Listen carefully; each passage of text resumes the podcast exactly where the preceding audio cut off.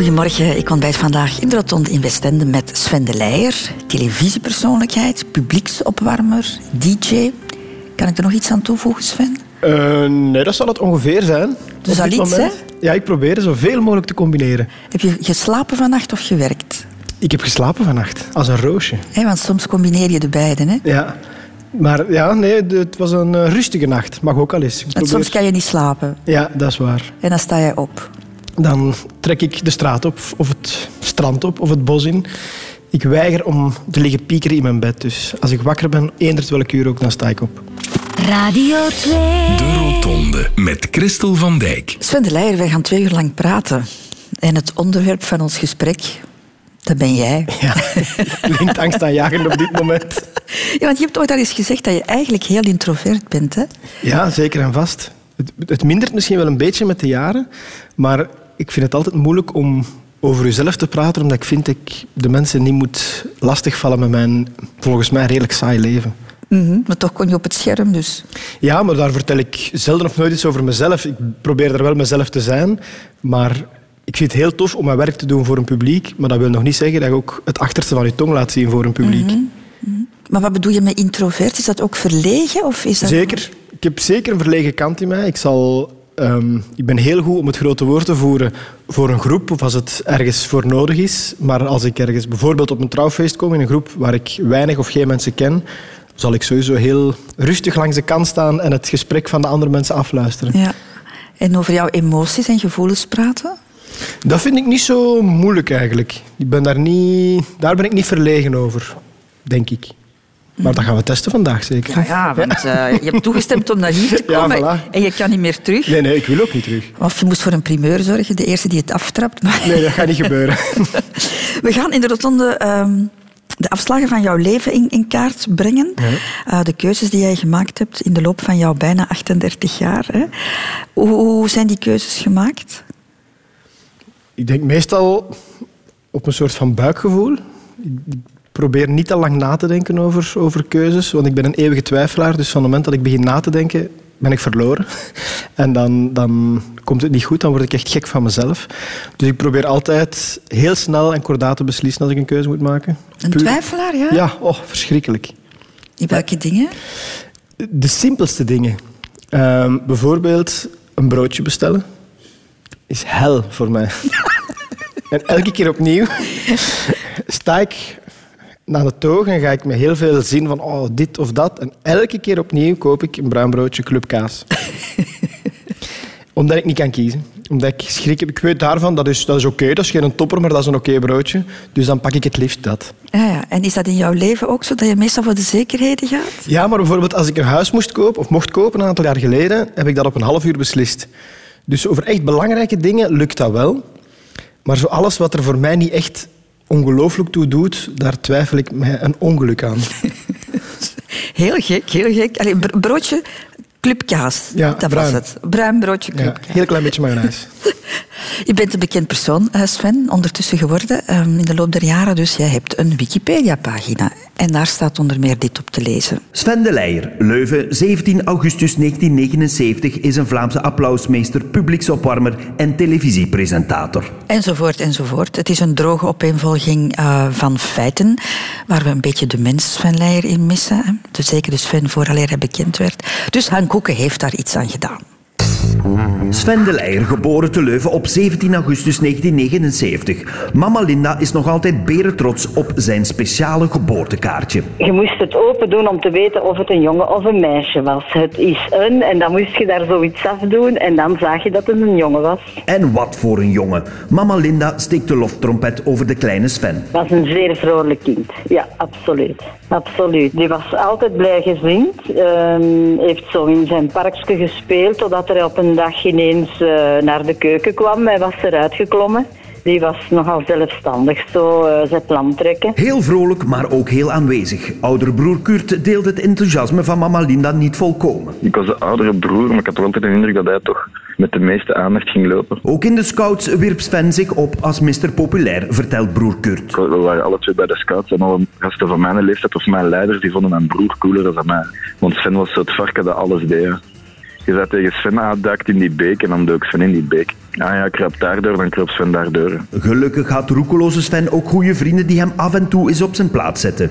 Jeugdvriend en tv-kok Jeroen de Pauw was er zo één. En iedereen dacht van, godverdomme, de Sven, altijd iedereen zo een beetje, een beetje pesten. We moeten hem toch een keer goed terug hebben.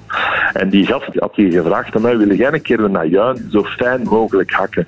En ze hadden dan eh, heel die najuin uitgesmeerd in zijn slaapzak. En daar is hij echt heel lang boos over geweest, maar echt heel boos. Naast elkaar de duvel aandoen was Sven vooral een pleziermaker en entertainer eerste klas, getuigt Jeroen. Sven is degene die, ehm, van als dat we jong waren, op het kampvuur eh, de showjes deed en zo. En dat waren natuurlijk niet altijd brave sjouwkes, verzekert Jeroen. En dan stellen wij van thuis, Sven van zijn moeder, nam die dan heel veel BH's mee en onderbroeken. En ik deed dat bij mijn zus.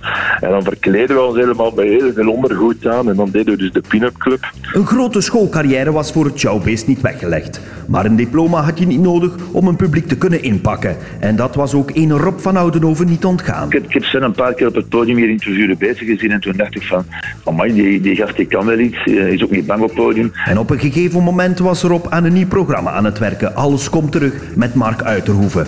En waren ze op zoek naar een opwarmer. En ja, dat werd Sven. En de rest is history. Wat anekdotes uit jouw jeugd. Ja, ze kloppen. En er bestaan foto's van. Ja, maar die zijn in mijn bezit. En veilig opgeborgen, het schijnt. Hè? Veilig opgeborgen, ja. Ik weet ze liggen. De rode draad is wel de speelvogel. Hè? Ja, dat klopt wel, denk ik. Ik vind dat ook heel belangrijk. Voor mijn eigen geluk. Ik kan niet, niet heel lang serieus zijn. Dus ja, ik probeer altijd wel om het voor mezelf plezant te houden.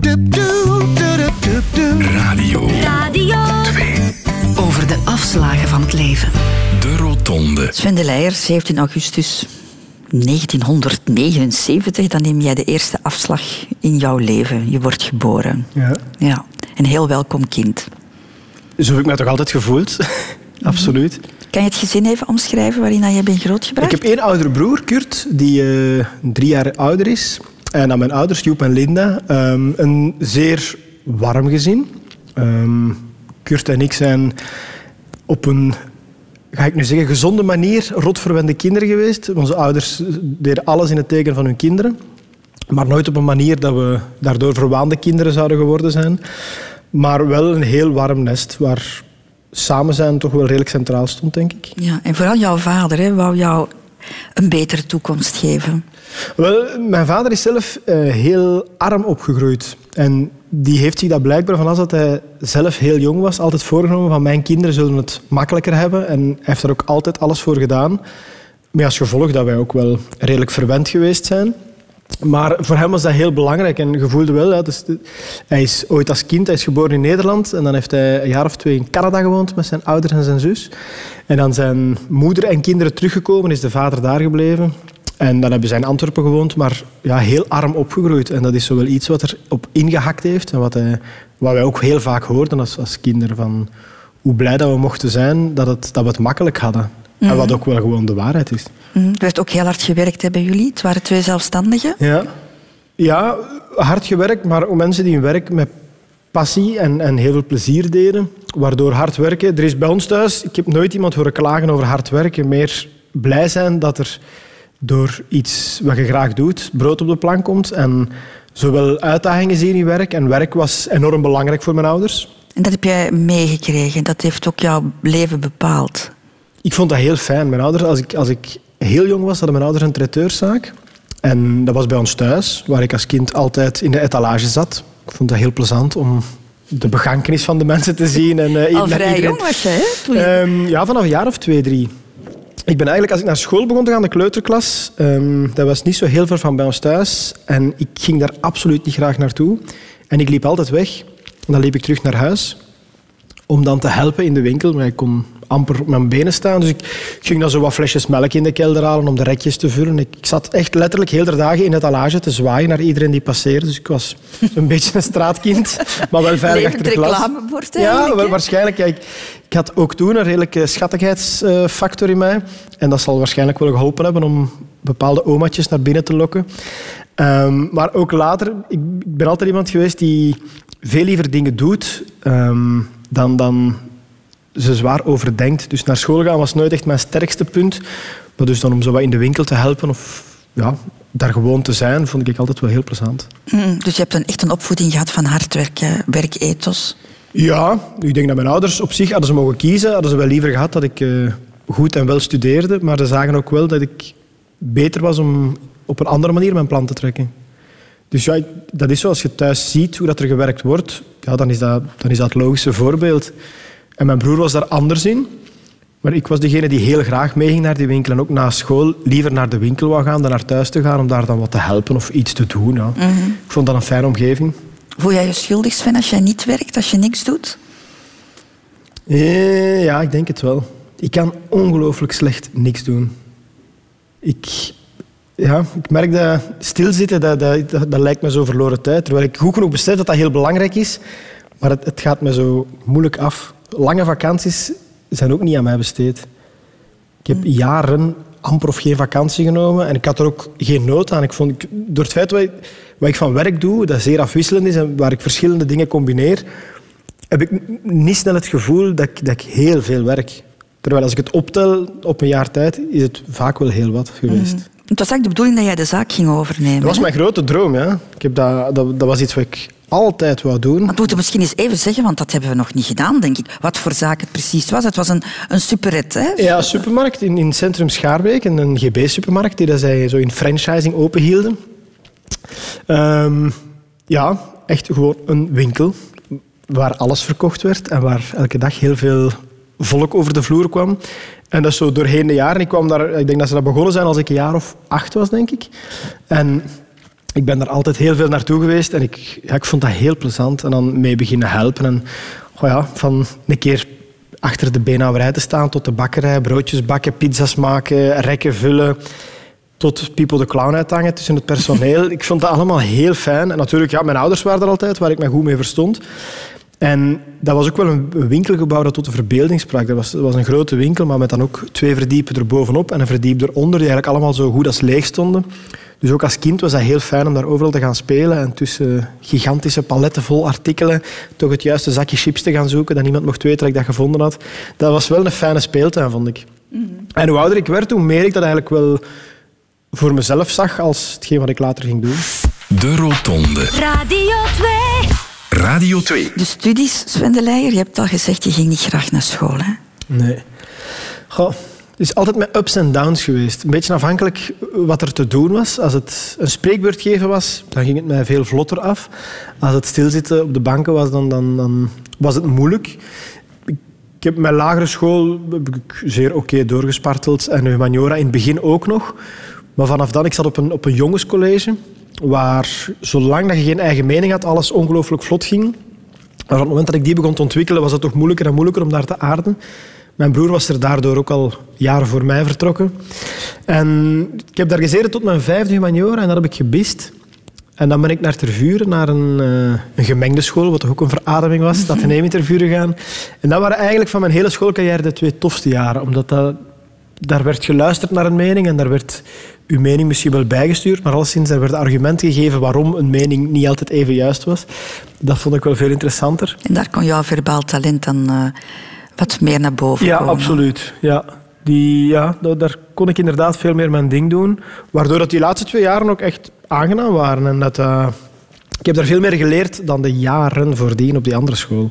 Want het was eigenlijk al van in de kleuterklas. Hè? Jouw mama vertelde dat je dan zei van, ik heb precies een bal in mijn buik. Ja, ik, eh, Een soort van buikpijn ja, ja, ja. van de stress? Of... Van, ja, ik, ik kan ook, van het moment dat ik beslis dat iets niet mijn ding is, kan ik doodongelukkig zijn. En ja, dan moet ik daar weg. En dus op school, het is ooit begonnen met... Ik, ik was nogal een schattig kindje en er was een, een oudere juffrouw die om een of andere reden de noodzaak vond om me elke dag op de bank te zetten om te laten zien aan de andere kindjes welke schattige kleertjes ik aan had. En dan gaf die mij ook een kus. en dat ging niet. Ik werd daar gek van. En dan inderdaad, dan kon heel goed... Allee, maar ik, ik had ook echt het gevoel dat ik een bal in mijn buik had, omdat ik kan dat dan niet. En ik heb dat nu nog, als er zo iets, iets fout loopt, kan ik daar diep ongelukkig van zijn. Dan moet ik dat zo snel mogelijk oplossen. Zoiets wat ik niet graag doe. Je mocht me alles vragen, maar iets wat ik niet graag doe, ik kan dat niet geloofwaardig brengen. Je gaat dat ook onmiddellijk merken aan mij. En ik word dan ook fysiek slecht. En dus dat was als kind de ziekte van de bal in de buik, die nooit iemand heeft kunnen vaststellen. Maar ik voelde ze wel. Ik, ja, ik was echt mottig als ik naar school moest. Ja, en jouw oplossing was dan spijbelen. Zoiets, ja. Maar ik echt- er ondertussen. hè. Maar jij ging echt lopen ook, echt op, Ja, school. ja, ja, ik ging lopen. En ja, mijn ouders merkten ook wel... Ik, ik was als kind dan wel in, redelijk koppig en volhardend. Van, ik bleef dan ook wenen en schreeuwen totdat ze mij terug meenamen of dat ze mij kwamen halen. Ik kan een heel koppige mens zijn. En dat werkte dan wel als kind, want ik mocht dan mee naar huis. Dus ik heb zo, ja, ik denk toch de eerste twee jaar van de kleuterklas vooral achter de vitrine van de winkel doorgebracht thuis. En ik heb waarschijnlijk wel andere dingen geleerd. Eh, ja, het, het was geen succesverhaal, de school. Jouw ouders bezorgd daarover? Of... Als bij wonder heel weinig. M- Misschien dat ze, dat ze andere dingen dachten, maar ik was een goede plantrekker en nog steeds, denk ik. Dus ik, ik was ook altijd, als ik, niet, als ik iets op school, bijvoorbeeld als ik slechte punten had, of ik wist er komt een slecht rapport aan, zal ik wel gezorgd hebben dat ik de weken voordien extra hard in de winkel ging werken, of dat ze toch door hadden van, het is toch een goede jongen, onze Sven. hè." Dus, en ja, ik weet het niet. Ik was altijd met heel veel bezig. En bij de scouts en de jeugd, jeugdraad. En, dus ik- het was, ze maakten zich zo... Ze hadden precies, denk ik, wel het gevoel van... Dat komt wel goed, die gaat wel iets vinden. Dat is wel fijn hè, als je dat vertrouwen krijgt van ouders. Ja, ik heb daar toen nooit over nagedacht. Maar het is maar nu, met zo wat ouder te worden, dat ik denk van... Allee, dat is wel raar dat die... Want uiteindelijk heb ik niks gestudeerd. En dat die daar toch redelijk, denk ik, zonder heel veel schrik over nadachten. Of dat dat, dat, dat kon. Niks geprobeerd, maar je hebt wel pogingen gedaan. Hè? Wat heb je allemaal gedaan? Een postgraduaat elektronica. Elektromechanica. Of ja. elektromechanica, ja. Niks voor mij. Geen idee waarom ik dat gedaan heb, maar... Je moest, je moest iets kiezen. Ik moest iets kiezen en ik had zo... Het, eh, in het zesde humaniora heb je dan zo eh, PMS, het, wat dat nu CLB is, die dan zo eens komen praten met u en zeggen van ah, aan de hand van onze testen vinden wij dat je dat moet gaan studeren. En ik vond dat niet en probeerde zo in discussie te gaan, want ik wou absoluut, om de een of andere reden, ik wou geen UNIF doen, ik wou liever iets hogeschool. En volgens PMS kon dat niet met mijn resultaten. Ik moest en zou UNIF gaan doen. En dan, ja, als je tegen mij zegt je moet, dan is er zo'n ozel infantiel klikje in mijn hoofd dat zegt nee, dat gaat niet gebeuren. En dan ja, heb ik dat zo maanden voor mij uitgeschoven. En dan tot een week voor de school begon, besefte ik plots van, ah, ik heb ooit al eens een... Ik was ook DJ. Als DJ is een cd-speler opengevezen. Ik doe graduaat elektromechanica. Ja, dom, hè, want ik was daar... Na anderhalf uur besefte ik van, ja, dit, dit gaat het niet worden. Dan ben je al vertrokken. Nee, ik heb het anderhalve dag volgehouden. Fantastisch. Ja, ja, ja. En dan, ja... Ik, ik weet dat dat belachelijk is, maar dat is het moment dat bij mij in mijn hoofd is dan beslist, dit is niks voor mij en dan mag er nog eenderd wat gebeuren. Dat komt niet meer goed. Dus ik heb dan ook met mijn ouders gebeld van, het stopt hier. Ik, eh, Dan heb je marketing gedaan, eerst dagonderwijs en avondonderwijs. We gaan niet, al die, niet alles oplijsten. Dat snap ik. Maar je bent eigenlijk geëindigd zonder diploma. ja, ja, ja. Heb je daar ooit spijt van gehad? Ik zou het nu wel anders aanpakken, omdat ik nu zou weten wat ik wil studeren. Maar toen wist ik dat niet en ik vond Wat daar geen... doen? Ik zou nu sowieso iets in, in, in de televisiesector studeren. Zoiets ritsachtig of, of eh, Narafi, om, om ook de andere kant van, van het televisielandschap wat beter te leren kennen. Puur het hoe het gemaakt wordt en zo. Daar merk ik gewoon dat ik een gigantische achterstand heb ten opzichte van collega's. Dus dat, is- dat had ik wel sowieso willen doen. Dat is een beetje een gemiste afslag dan. Ja, zeker. Dat diploma elektromechanica niet. Nee, het was niks voor mij. De Rotonde. De keuze om te entertainen, Sven de Leijer, dat is een keuze die je eigenlijk al heel jong gemaakt hebt. Hè? Maar allicht niet besefte toen. Nee, zeker niet. Want in de vitrine gaan zitten is ook wel iets van entertainen. Hè? Ja, ja, maar, ja absoluut. Ja, en dat is eigenlijk vanaf dan is er altijd zo wel iets geweest wat ik deed, wat daar blijkbaar lijkt op entertainen. En sowieso bij de jeugdbeweging, bij de scouts. Ik was niet de straffe die dat alles durfde, maar wel degene die op alles zijn mond durfde open doen. Dus dat compenseerde waarschijnlijk een beetje andere dingen. Wat, welke andere dingen? Ja, bijvoorbeeld, ik was zo niet de, niet de stoerste of degene die alles durfde. Of ik, ik was, denk dat ik altijd een redelijk braaf kind geweest ben. Maar dan, ja, mits een grote mond, krijg je dan andere dingen wel weer verkocht. En ja, op school was dat ook zo. De dagen dat het schoolfeest was of dat er, dat er een spreekbeurt moest gegeven worden of het schooltoneel, dat waren mijn hoogdagen. En dat ik de boel ja, zo wat probeerde aan elkaar te praten of, of te animeren. En dat is altijd zo gebleven. Als DJ is dat eigenlijk ook een beetje wat je doet. Hè. De, proberen met de keuze van uw plaatjes de mensen een fijne avond te bezorgen. Dat is, ik vind dat is ook een heerlijk gevoel om zo een stilstaande massa met uw plaatjes in gang te krijgen. Dat is heel plezant. Ja, als ik het zo hoor, is het altijd in functie van. Maar daar haal ik geweldig mijn plezier uit. Ik zal nooit mij amuseren, of zelden mij amuseren op een feest waar ik niks te doen heb. Gewoon naar een feest gaan en daar staan of zitten. Ik vind dat niet zo fijn. Ik ga veel liever dan of plaatjes draaien of de toog doen of iets organiseren. Maar ik amuseer mij altijd veel beter als ik iets aan het doen ben. En door dan andere mensen zich te zien amuseren, ik, krijg daar geweldig veel voldoening van. Ik vind dat heel plezant. Ik heb honderden vijf georganiseerd bij ons in dorp. En dat vind ik veel leuker dan naar een vijf te gaan. Mm, organiseren zit ook in jou, hè? Ja. ja, dat was ook een van de opties ooit. Ik, ik wou altijd heel graag evenementen organiseren. Maar er bestond geen studie voor, dus ja, dat, daar ben ik dan op afgehaakt. Maar ik heb het altijd bij de scouts gedaan, bij de jeugdraad gedaan. En dan, ik heb een aantal jaren wel als freelancer ook voor evenementenbureaus gewerkt. En dat was ook heel fijn om te doen.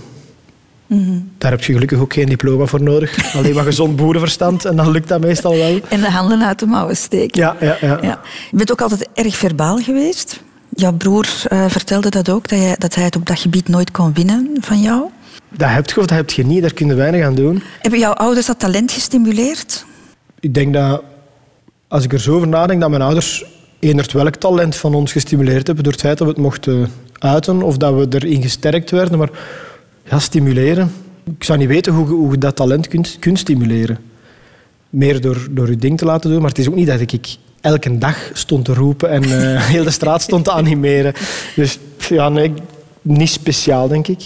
Maar ze gaven jou wel veel vrijheid op dat gebied. Op je veertiende was jij al DJ. Ah ja, ja, mijn dertiende zelfs, denk ik. Ik denk de eerste keer dat mijn ouders mochten, mochten uitvaren, want ja, ik was heel jong. Ik had geen rijbewijs, uiteraard niet. En dus mijn ouders die moesten dan in het weekend ja, drie, vier keer s'nachts op en afrijden, want ik had dan al heel veel materiaal verzameld. Elke cent die ik verdiende, dan kocht ik wel een nieuw lampje of een rookmachine of een grotere box mee.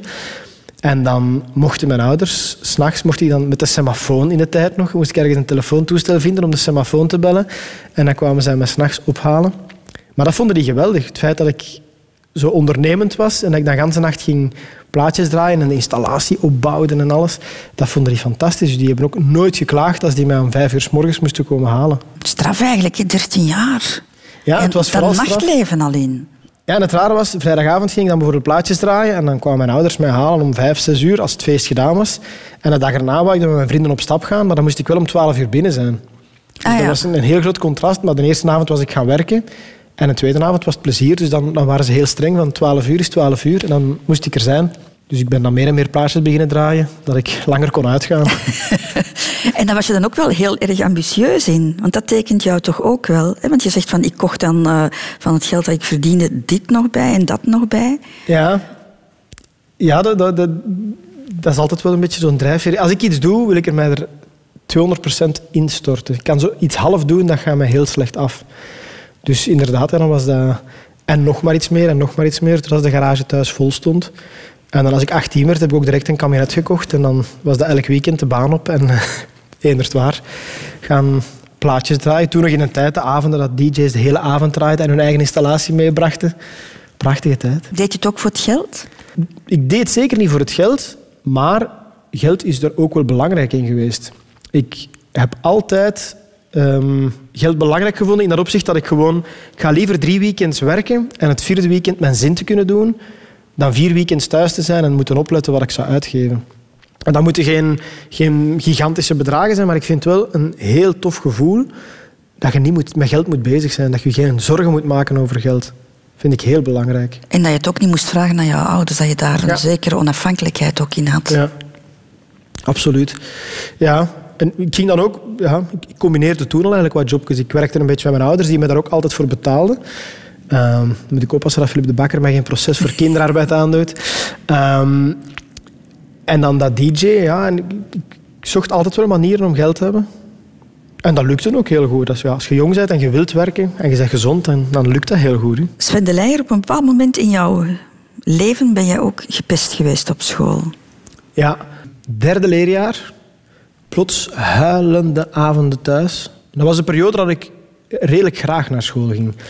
En plots drie, vier avonden aan elkaar wenen, wenen, wenen. En dan kwam het eruit dat ik inderdaad zwaar gepest werd en me heel slecht voelde.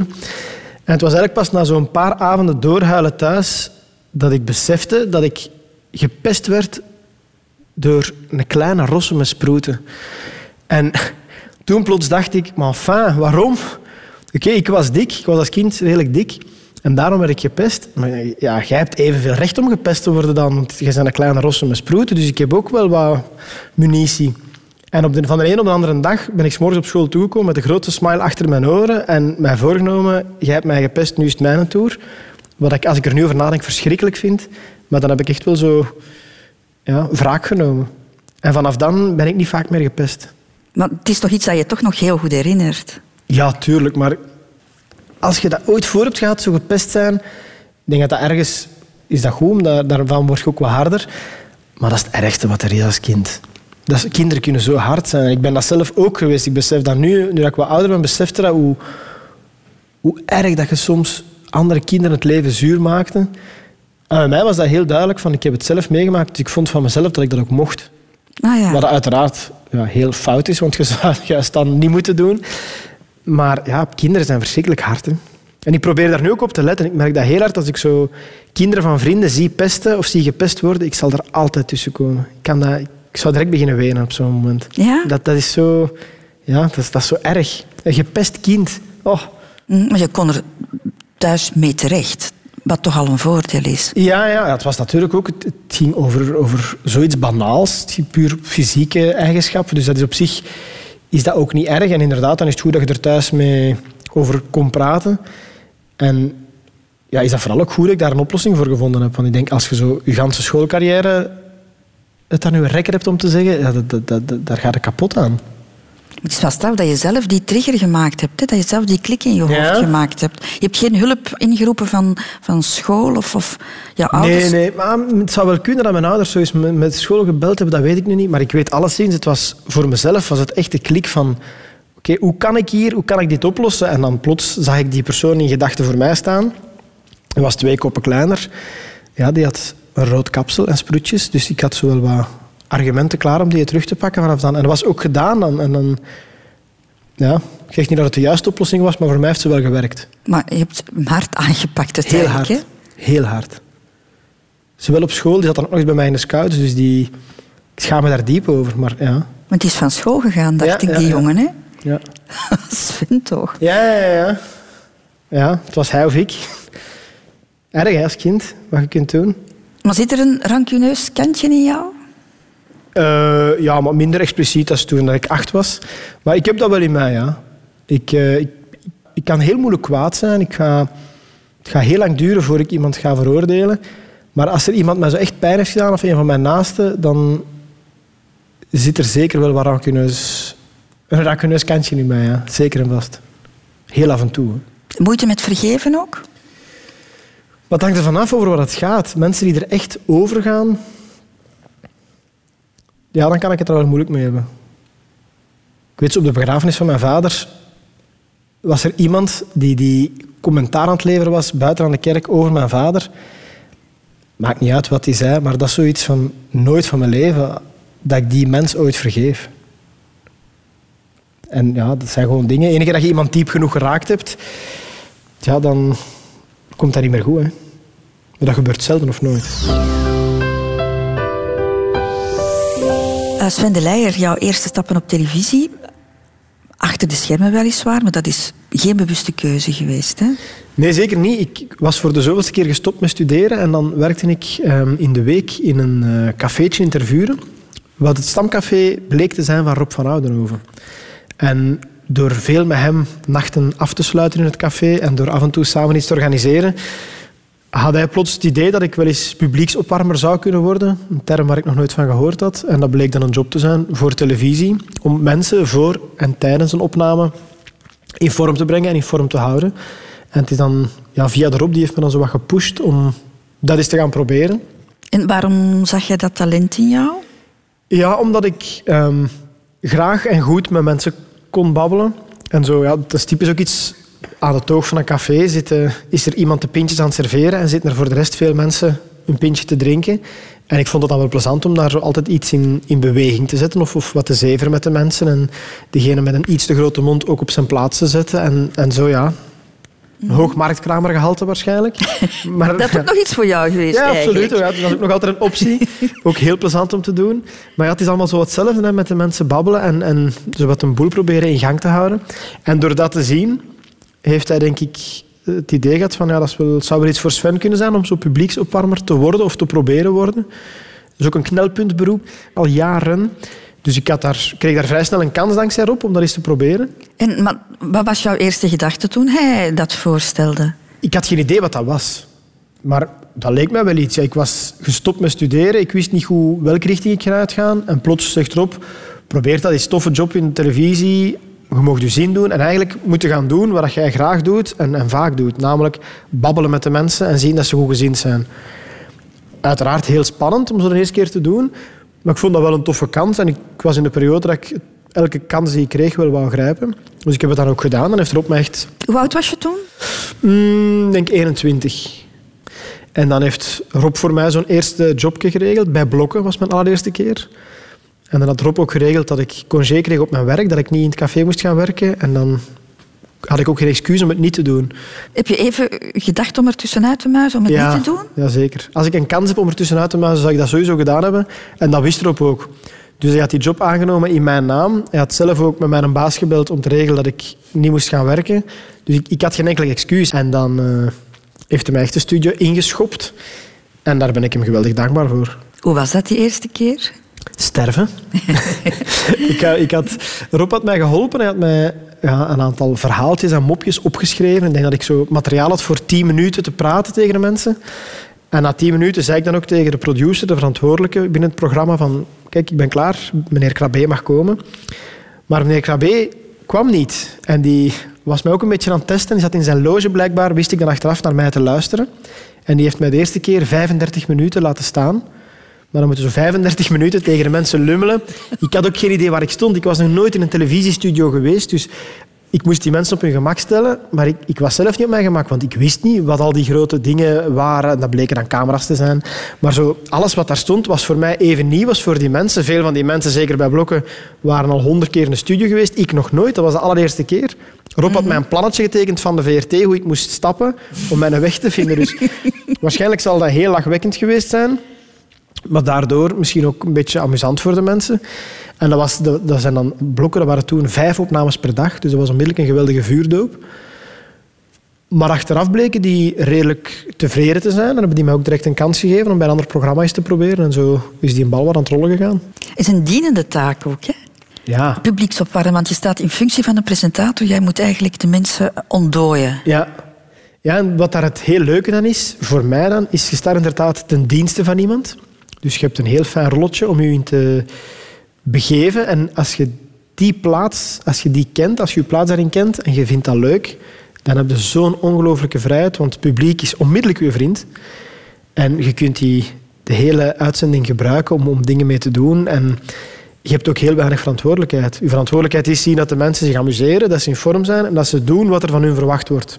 Maar dat is een beetje de rode draad ook in jouw leven. Jij staat graag ten dienste Ja, van, heb ik de indruk, in de winkel, eh, als, als, als, eh, als café, eh, als barman. Ja, ja, ik, ja, ik vind dat tof. Maar ik zal de verantwoordelijkheid niet ontlopen of zo. Maar ik vind, puur qua functie, vind ik altijd leuk om te kunnen zeggen van, ja, maar ja, hij is de baas of hij is de grote man. Ik vind dat een heel fijne manier om, om mijn ding te kunnen doen.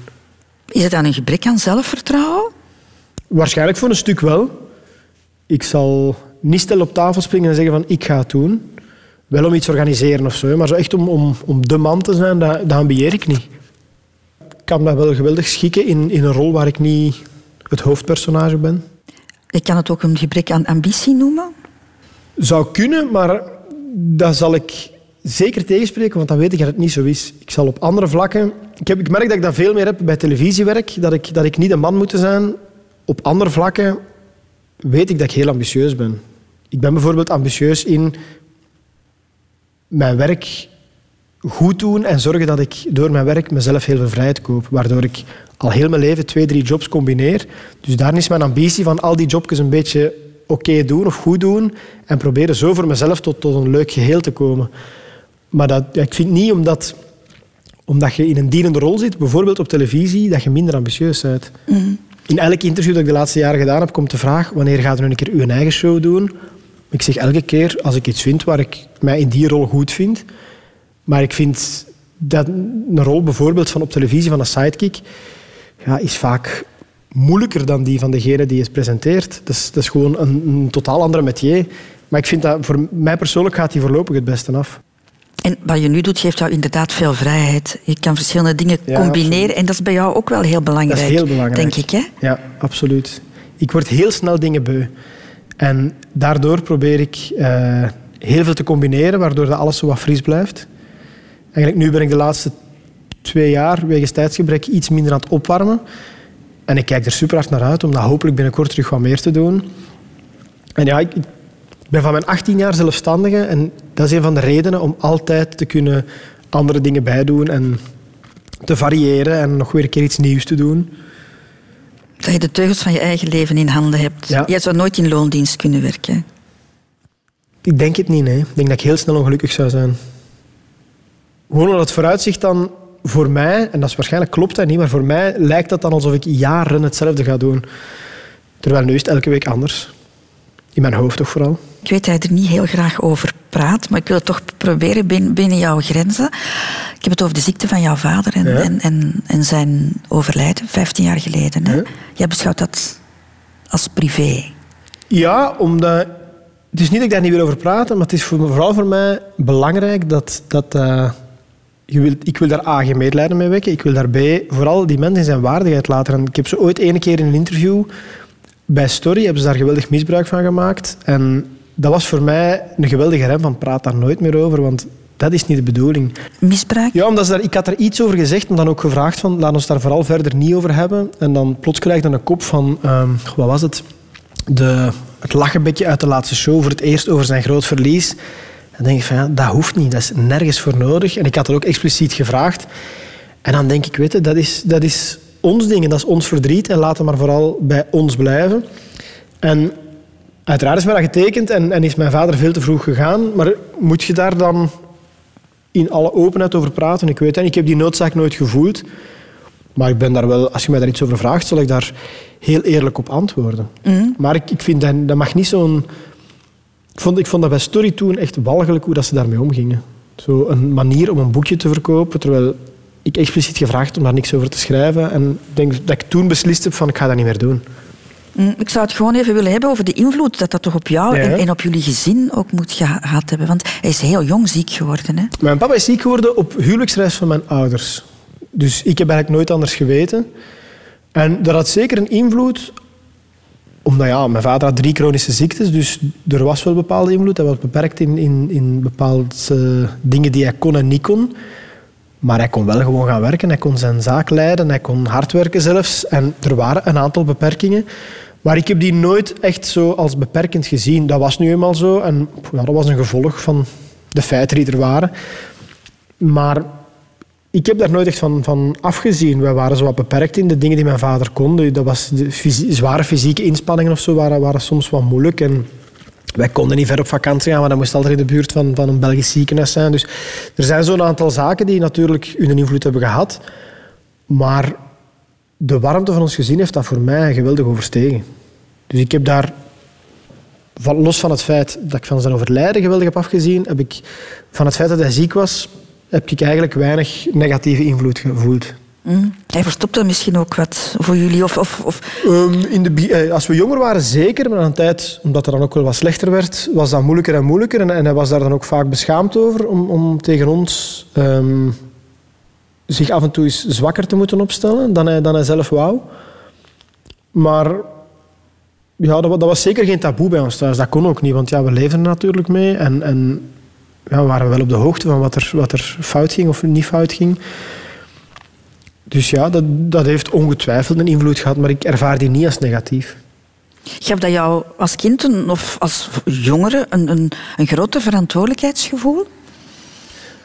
Goh, de laatste jaren van zijn leven wel, omdat hij dan... Hij was eigenlijk aan het wachten op een transplantatie van organen.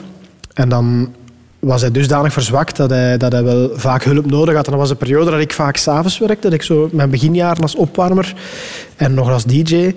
Dus dan was ik vaak overdag thuis en hij ook. En dan ja, is ook logisch. Ik verstond me ook geweldig goed met mijn vader. Dat ik hem vaak hielp en dat wij smiddags... Hij was kok van opleiding, dus hij maakte dan wel iets altijd lekker om te eten.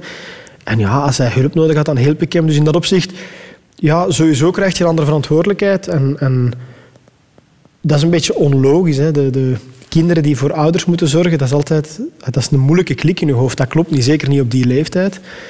Maar hij had er ook wel een geweldige waardigheid in. Dus, dus het minste wat hij zijn plan kon trekken, zal hij dat altijd gedaan hebben. Maar ja, je, leert wel op een andere manier verantwoordelijkheid nemen, sowieso. En sneller volwassen worden toch ook, denk ik. ja. Waarschijnlijk wel, ja.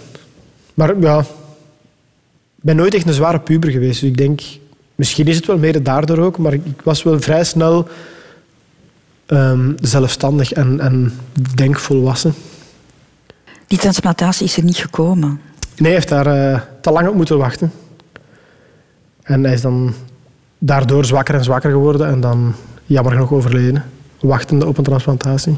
Dat maakt het toch heel schrijnend, hè? Want het had anders kunnen verlopen misschien. Ja, ja, natuurlijk. Maar het is niet zo gelopen. En dat is een bepaald moment... ik- ik- die dood is heel onverwacht gekomen. Mijn vader is lang ziek geweest, maar nooit levensbedreigend. En dat is dan gebeurd. En ik heb me ook vanaf dag één voorgenomen, hoe erg ik dat ook vond, want het was echt, zoals voor iedereen, is een vader een belangrijk figuur. En ik, ik verstond me daar geweldig goed mee. Ehm, maar ik heb altijd ook dat proberen op een positieve manier te benaderen. En bij elke negatieve gedachte probeerde ik er twee positieve aan hem in de plaats te stellen. En dat is mij altijd gelukt. En tot op de dag van vandaag, ik mis die mens enorm. En ik denk daar superveel aan. Ongelooflijk veel. Maar ik kan dat wel op een positieve manier doen. Heeft er nog iets van jouw succes meegemaakt? Professioneel, hij wist dat ik mijn plan aan het trekken was. Maar niet, niet van wat ik nu aan het doen ben. Maar ja, dat vind ik ook... Ik snap wel dat ouders daar op een of andere manier fier op zijn. Maar ik ben daar zelf de meest nuchtere mens ooit in. Ik vind wat ik doe van werk... Kun je geen succes noemen. Dat is leuk. Maar dat stelt heel weinig voor. Een dokter of een chirurg, dat zijn mensen die succes hebben en die mensen kunnen redden.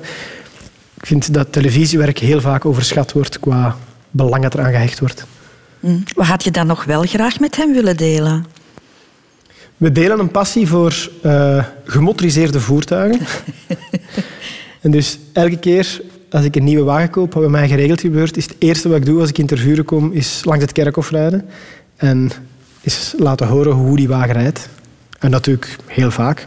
Dat is iets wat ik minstens twee, drie keer per week nog altijd doe.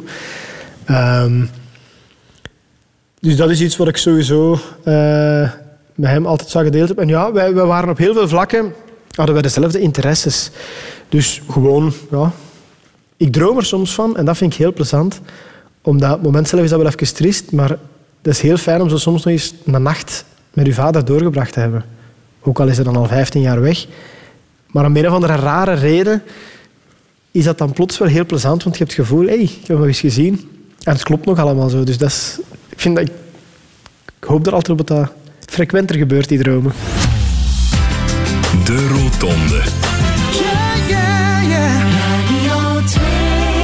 Sven de Leijer, ik heb het net al over jouw vader gehad en over zijn overlijden, omdat dat ehm, voor jou op het gebied van liefde ook heel belangrijk geweest is. Je hebt een heel mooi voorbeeld gehad thuis, hè, wat de liefde betreft. Jazeker, mijn ouders...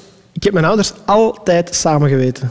Zowel op privévlak als op professioneel vlak. Op een manier dat ik het zelf denk ik nooit zou kunnen. Ze waren waarschijnlijk ook door de ziekte van mijn vader een beetje veroordeeld tot zichzelf. Maar die hadden daar geweldig veel vrede mee. En die deden alles samen. En altijd ten dienste van elkaar en hun twee kinderen. Wat natuurlijk qua voorbeeld wel kan tellen. En waarschijnlijk ook in 99% van de gevallen onrealistisch is. Dus ik denk dat ik wel een, een, een niet zo levensvatbaar idee van de liefde had vroeger. Omdat het zo mooi was. Ja, omdat het zo hard klopte en dat die... Ik zou zelf, ik zou nooit kunnen dag en nacht met eenderd wie kunnen samen zijn. Ik wil zeggen, en werken, en privé, en hobby's. Dat kan ik niet. Ik heb ook gewoon vaak nog een momentje voor mezelf nodig en wat rust nodig. Gewoon om even alles op een rijtje te zetten op mijn eigen. Maar ja, natuurlijk, andere mensen kunnen dat wel. En dat heb ik thuis zo wel altijd gezien. Ja, zoals je zegt, het was, het was ook door, door zijn ziekte. Hun sociaal leven was daardoor eh, ook beperkter, Ja, uiteraard. Hè? Maar je hebt ook wel gezien, denk ik dan, dat eh, liefde, dat dat ook zorg dragen is voor elkaar. Ja, absoluut. En onvoorwaardelijk. Nooit zonder klagen, maar gewoon het samen ondergaan. Dat is indrukwekkend, hè? Ik vind dat heel mooi dat dat, dat, dat bestaat. Ik heb daar ook schrik voor, voor mezelf. Dat, ik vraag me af dat ik dat ooit zou kunnen. En ik hoop het wel, want dat, ik vind dat een ongelooflijk mooie eigenschap als je dat kunt. Maar het is wel, het is wel uniek, denk ik, tegenwoordig. Hm? Ja, mama is ook alleen gebleven, hè? Ja. Ja, en die heeft daar nooit... Hoe hard ik je daar ook gun, en mijn broer ook... Maar ik denk dat er nooit één seconde twijfel over is geweest. Ons moeder heeft altijd gezegd van... Ik, ik heb het, het hoogste gehad. Hetgeen wat ik, ik heb het absolute geluk in de liefde gehad, dus waarom zou ik nog voor iets anders gaan? Maar natuurlijk, ja, daar kun je niks op zeggen. Hè. En soms denk je wel van, ja, zou het niet leuker zijn voor jezelf dat je ook iemand anders hebt? En ik, zeg dat nu met heel veel gemak en waarschijnlijk een dag dat het zover zou zijn, zal het ook wel even slikken zijn, hoe hard ik het daar ook gun. Maar ik kan het ook wel snappen als je het gevoel hebt van, ik heb voor mij de topper gehad en die is er jammer genoeg niet meer, maar dat je daar wel ergens, hoe pijnlijk het ook is, een soort van vrede mee neemt. Heeft die mooie, harmonieuze relatie heeft dat een, een invloed gehad op, op, op jouw liefdesleven? Waarschijnlijk wel met mijn verwachtingen ervan.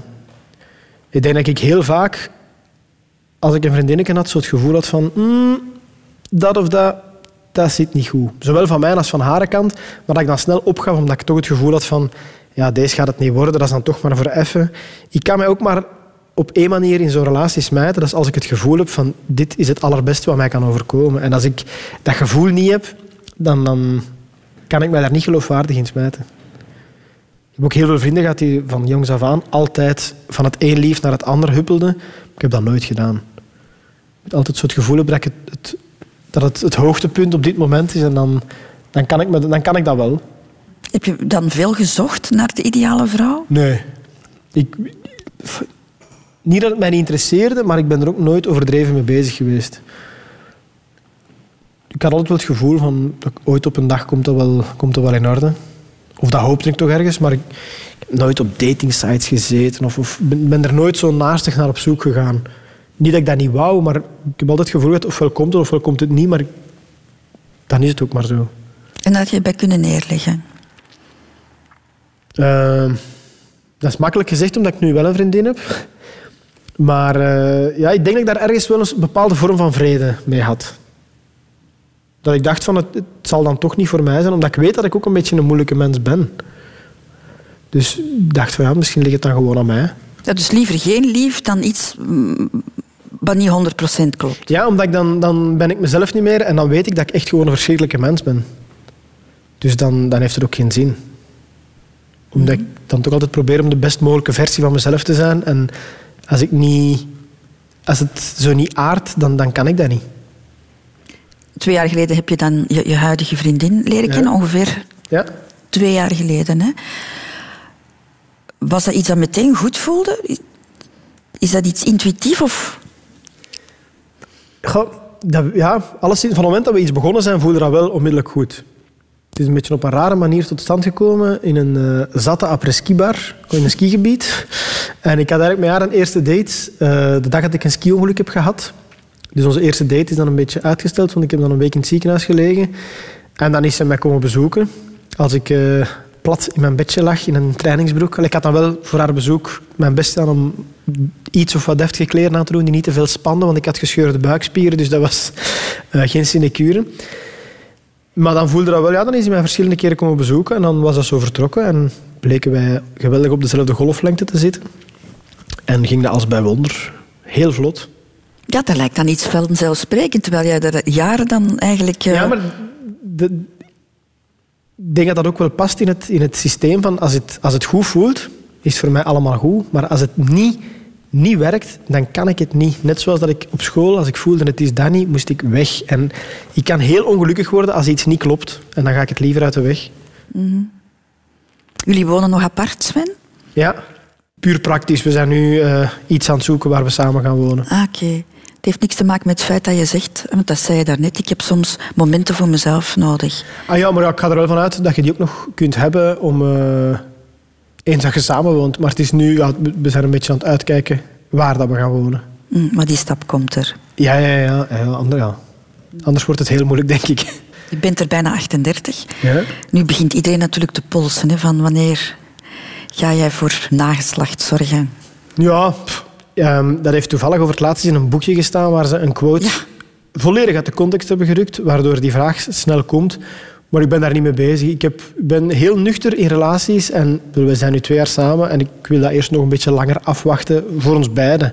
En of ik dan 38 zal zijn of 40, dat zien we dan wel. En laat ons maar op ons gemakje wat zoeken in het leven. En dan zien we wel waar dat we uitkomen. Maar het kan. Ik weet niet of het fysiek nog kan. Nee. Ik ben natuurlijk al 38, maar voor ik, heb mij het kan op- het. ik heb het opgezocht. En? Eh, De zaadcellen, de kwaliteit van de zaadcellen bij een man, ja, uiteraard bij een Ja. man, verminderen vanaf je 45ste. Oh, jongens, er komt zoveel rust in dit gesprek. Kijk, geen enkel probleem. Radio Radio. Over de afslagen van het leven. De Rotonde. Sven de Leijer, we zijn al aangekomen aan eh, de laatste afslag van het leven. We slaan nog wat stappen over, want de toekomst, wat de toekomst zal brengen, weten we uiteraard niet. Alleen dat, dat is een zekerheid. Hè? Doodgaan. Ja, Is dat al iets waar jij mee bezig bent? ja, gij. Ja. Vaak.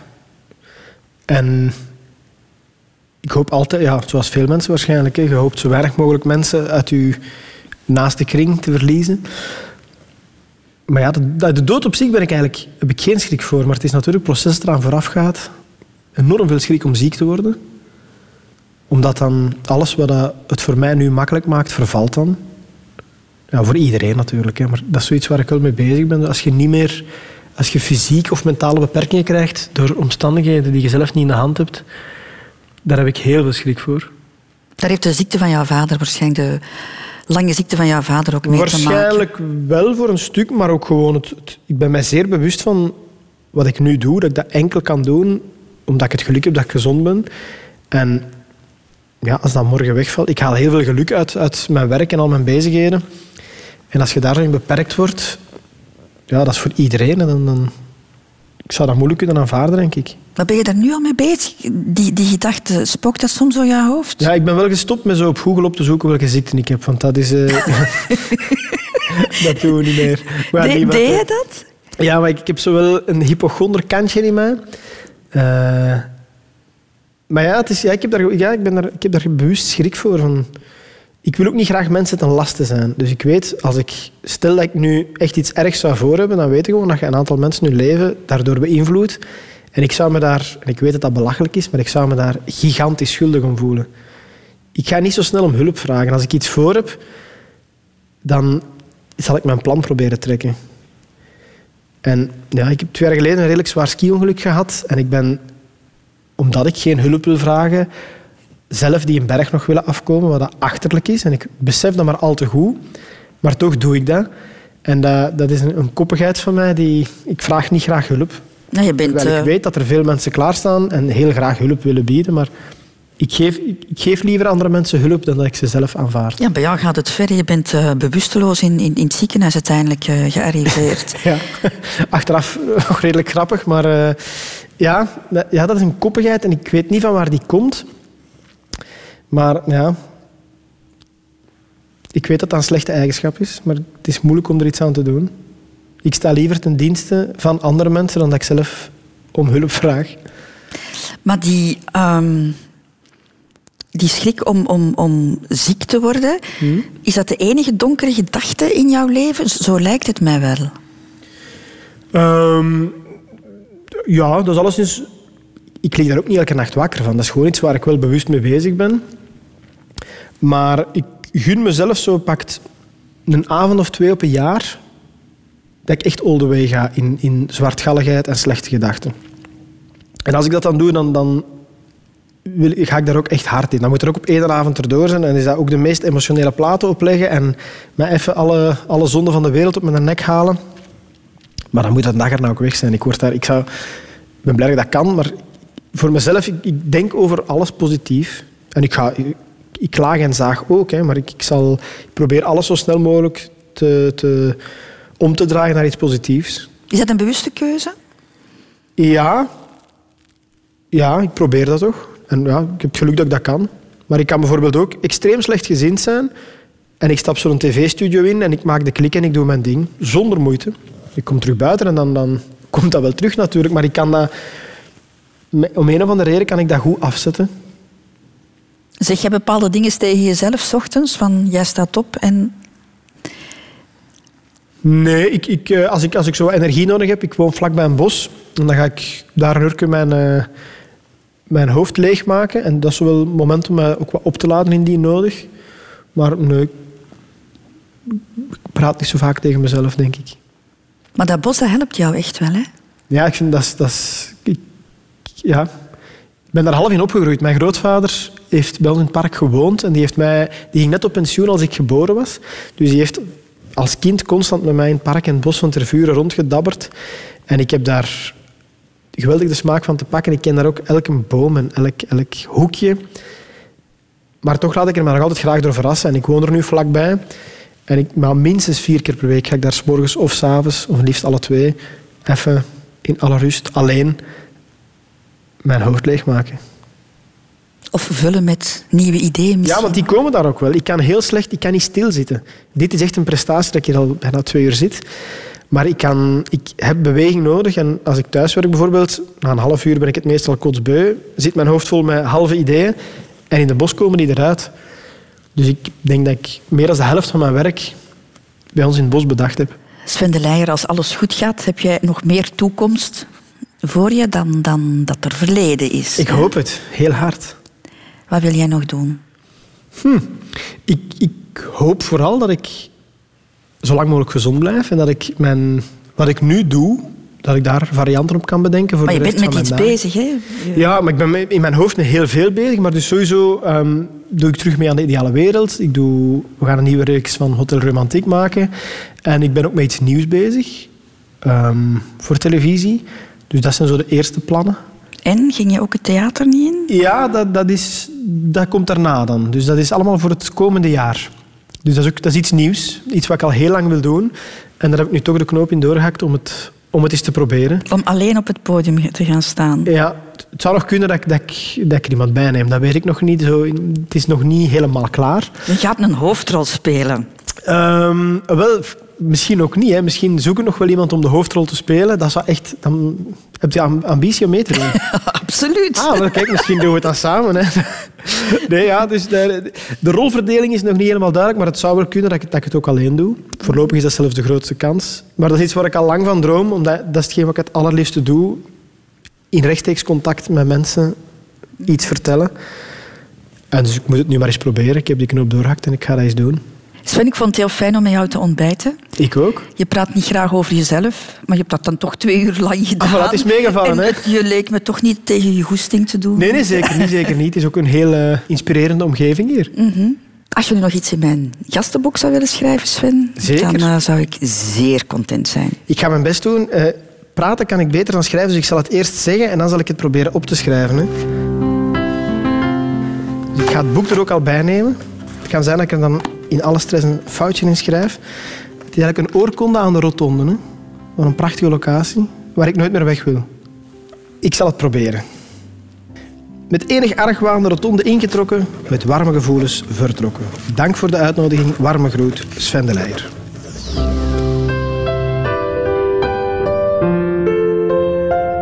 Radio.